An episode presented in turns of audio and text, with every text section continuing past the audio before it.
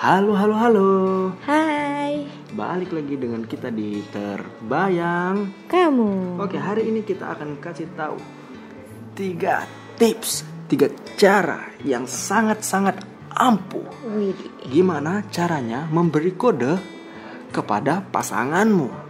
Yaitu yang pertama, pilih kalimat yang mendekati dengan keinginan kamu. Gimana itu? Contohnya nih begini, kalau kamu mau es krim, Hmm? kamu bilang, aduh panas nih tenggorokan, pengen yang seger-seger nih, yang ada rasa-rasanya nih.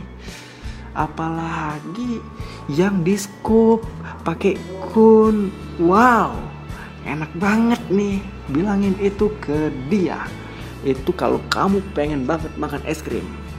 Lalu yang kedua, Jangan melakukan kode-kode yang dia tidak akan mampu untuk memenuhinya. gimana tuh? contohnya? Wih, Lamborghini kenceng nih. Gak akan mungkin dia akan membeli Lamborghini. Kalau dia nggak mampu, kalau dia mampu ya oke-oke aja sih. Iya, sama satu lagi. Kamu kasih kode, waduh, kayaknya bulan bagus ya di bulan ya.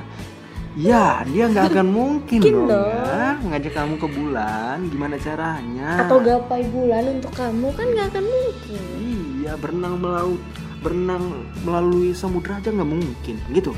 Oke, yang ketiga lanjut, yaitu cuci otak kamu. Nggak ada manusia di dunia ini yang bisa ngerti kode-kode sebenarnya. Nggak ada. Kamu harus kasih tahu.